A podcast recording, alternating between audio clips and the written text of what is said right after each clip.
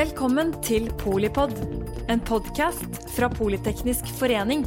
Et kunnskapsbasert medlemsnettverk for bærekraftig teknologi og samfunnsutvikling. I år er det 100 år siden Fridtjof Nansen mottok Nobels fredspris for sitt humanitære og fredsskapende arbeid som generalsekretær i Folkeforbundet.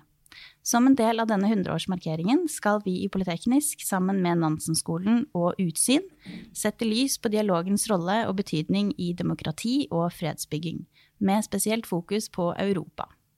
Jeg er Elise Antonissen, programsjef i Politeknisk forening, og jeg har invitert Ingrid Wiik, spesialrådgiver i Utsyn, Senter for utenriks- og sikkerhetspolitikk, for å få en innføring i den historiske betydningen Nansen, og spesielt Nansen-skolen, har hatt for fredsarbeid og forebygging i Europa. Velkommen, Ingrid. Hjertelig takk. 16 år etter Nansen mottok fredsprisen, ble Nansen-skolen opprettet på Lillehammer. Hva var hele ideen bak å etablere den skolen? Nansen-skolen ble etablert i en tid hvor eh, fascismen var på, i, i, rask utvikling i Europa. Bredde om seg tok, og, fikk, og, og, og, fikk, makt. Politisk makt. Så Nansen-senteret ble etablert av, av, to teologer som var opptatt av uh, å bygge et sted for å tenke og praktisere rundt antifascistisk arbeid. Så hele konteksten er fascismens framvekst i Europa. Og målet var å bidra til å motvirke den, uh, den utviklingen. Mm. Så det er en dramatisk, på en måte, et dramatisk bakteppe for etableringen av skolen. Mm. Og, det, og, så har den da gjennom årene uh, vært et slags sånn kontemplorært sted for tenkning og filosofi. Eh, vest, altså sånn typisk sånn, altså, europeisk filosofisk historie. Mm. Eh, og, og, har hatt et veldig sånn åpenbart fotfeste i den europeiske sivilisasjonen og kulturarven. Eh, med fokus på fredsarbeid osv. Og, så og så er det litt etter hvert at man får dette mer praktiske eh, fredsarbeidet fra 90-tallet og utover. Mm. Mm. Eh, vi skal jo ha to eh, seminarer og podcaster utover dette året, hvor vi skal snakke om eh, dialogens rolle i fredsarbeid. Eh, hva vil det egentlig si? Ja, helt konkret så uh, Jeg tror jeg igjen må litt tilbake til, til Nansen-skolens praktiske fredsarbeid. Uh, på midten av 90-tallet, uh, etter krigen i første, altså Balkankrigen i Bosnia-Hercegovina, så, um, så, inviterte Nansen-skolen uh, mennesker fra, uh, fra Bosnia til, og Serbia til uh, Nansen-skolen.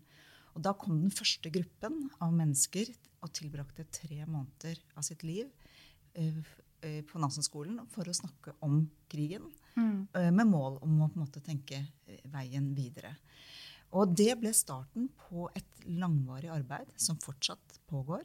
Eh, med etableringen etter hvert av lokale Nansen-sentre rundt omkring på Balkan. Og det er viktig å si at dette, altså dette arbeidet eh, hadde støttespiller i det norske sivilsamfunn. Røde Kors, eh, Kirkens Nødhjelp var med fra starten. Etter hvert så ble Nansen Dialog en egen på en måte, organisasjon, mm. eh, men under liksom, taket til Nansen-skolen. Mm. Og eh, Utenriksdepartementet var, var støttespiller, men også aktive pådrivere for å etablere Nansen-senteret. Og hele hensikten var å bygge opp et, et nettverk av mennesker som praktiserte eh, fredsarbeid og forsoningsarbeid på Vest-Balkan. Eh, og eh, også på en måte bygge opp en, si, en slags alumni av mm. mennesker som hadde vært i Norge, og som kjente Norge, og som hadde en eh, som, som, alltid ville være gode kontakter eh, for norske aktører når det var mm. nødvendig. Og I dag så har vi mange tusen mennesker som har vært på Nansen-skolen. Mange av de menneskene som vi eh, hadde på Nansen-skolen, og som etablerte senteret, og som senere har vært del av arbeidet, de har prominente roller i sine samfunn. Mm. I alle landene i det tidligere Jugoslavia. Ja. Eh, noen, altså Du har ordførere, du har folk, ledende folk i sivilsamfunn, du har ministre. Eh, du har til og med nå kanskje en påtroppende statsminister i et land. Ja. Så dette er mennesker som eh, nå etter mange år har blitt ordentlig godt voksne, mm. tatt plass. Og forhåpentligvis også bærer de med seg noen av de erfaringene fra eh, sitt arbeid og engasjement gjennom Nansen-skolen og Nansen-dialog. Mm. Så det har rett og slett skapt et ganske stort nettverk av, eh, av hele Nansen-systemet. Ja, det er et fantastisk nettverk. Og jeg som fortsatt jobber med politikk på Vest-Balkan, har et og har, kjenner mange av disse menneskene og har tilgang til alle disse menneskene.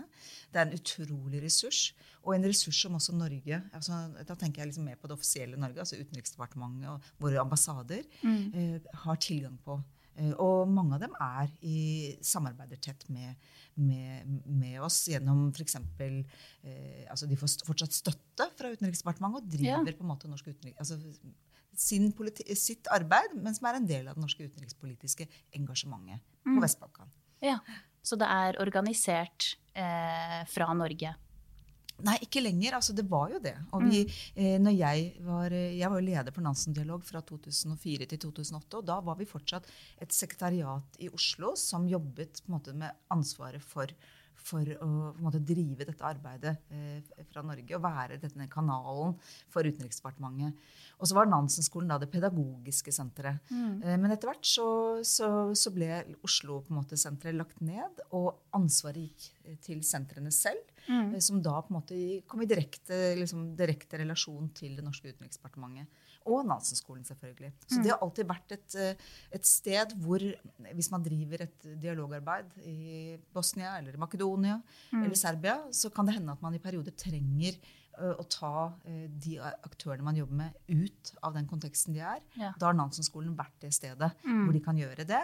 Og, og, det er også årsaken til at det etter hvert har blitt så fryktelig mange. For da betyr det at store grupper med lærere, politikere, ombudsmenn, Eh, og kvinner, mm. altså sivilsamfunnsaktører, eh, har vært på Nansen-skolen, har vært på Lillehammer.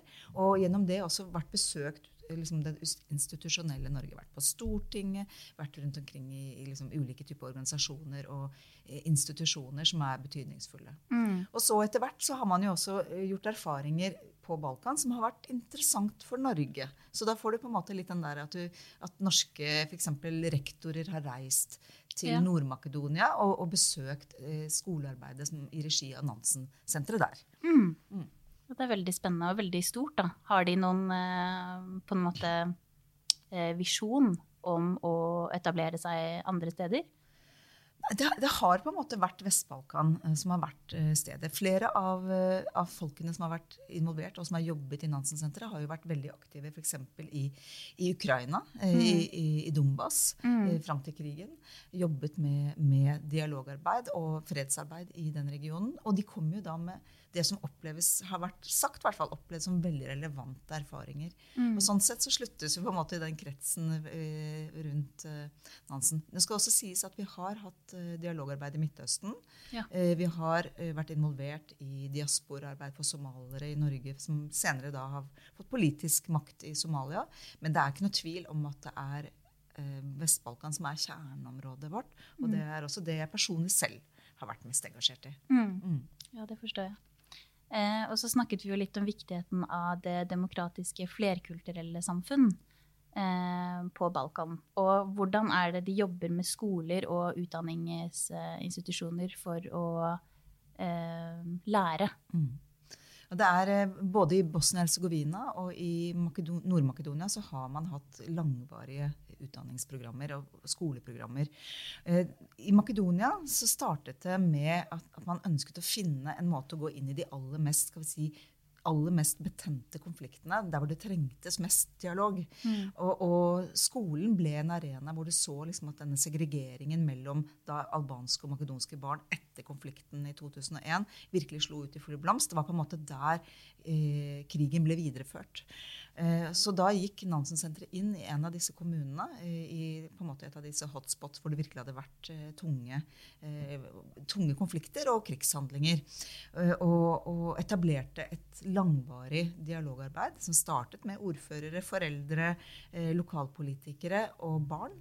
Og etter hvert så etablerte man da en egen, sko, eh, altså en egen klasse, en skoleklasse, eh, en Nansen-klasse. Mm. Og hele poenget var å bygge opp et, en helt ny metodikk for hvordan man kunne eh, med, med, barn ulike, med ulike språkbakgrunner i mm. samme klasse. Det er jo det som er så utrolig. Ja. Så det man altså gjør i disse her, er at man har etablert et eget pensum eh, eh, med hjelp fra Irland, fra Israel, Palestina, fra eksperter eh, i, rundt omkring i Europa, og etablert et helt nytt pensum. Etter hvert egen, et eget senter for opplæring av lærere, hvor nå flere tusen lærere mm. har gjennomgått denne kursingen. Og det er en enorm etterspørsel. Ja. Og etter hvert så ble det også inkludert som en del av det si, offisielle programmet for, uh, for den uh, nordmakedonske regjeringen, eh, som, som, da er en del av hvordan man ønsket en slags visjon for å drive skole i det veldig multietniske Makedonia, som også har store splittelser og dype, måte, dype konflikter mellom ulike grupper. Mm. Hvor man har hatt lite tradisjon for å bygge felles eh, kulturer. Og så er man jo på ingen måte i mål, men dette er et utrolig godt eksempel på et arbeid som bærer frukter, og som nettopp retter seg inn mot kanskje den viktigste målgruppen hvis man tenker å bygge sosial kapital, nemlig barn og skoler. For mm. skoler omfatter hele, alle generasjoner. ikke sant? Der er det foreldre, besteforeldre, det er lærere, og det er politikerne, lokalpolitikerne, og til syvende og sist også de sentrale myndighetene. Mm. Mm. Ja.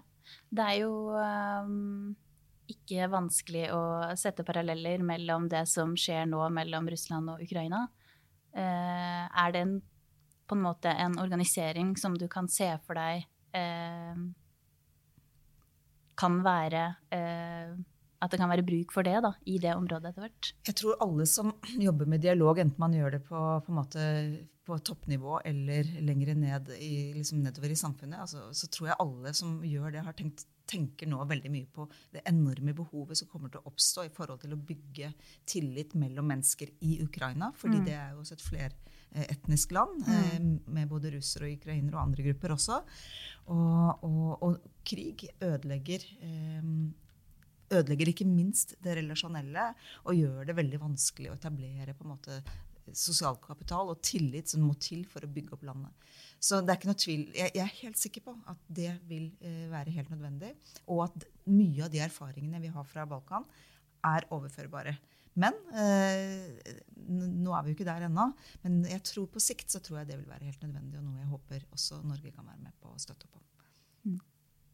Med det så uh, takker vi uh, til alle som lyttet til Polipod. Og tusen takk, Ingrid, for at du uh, ville fortelle mer om Nansen-skolen. Så må dere følge med på programmet hvor vi skal ta for oss dialogen og utdanning for fred, 100 år etter at Fridtjof Nansen fikk Nobels fredspris takk for oss. Mitt navn er Elise Antonissen, og jeg er programsjef i Politeknisk forening. Takk for at du lyttet til Polipod fra Politeknisk forening. Få med deg flere episoder, eller bli med på nettverksmøtene som du finner på at polyteknisk.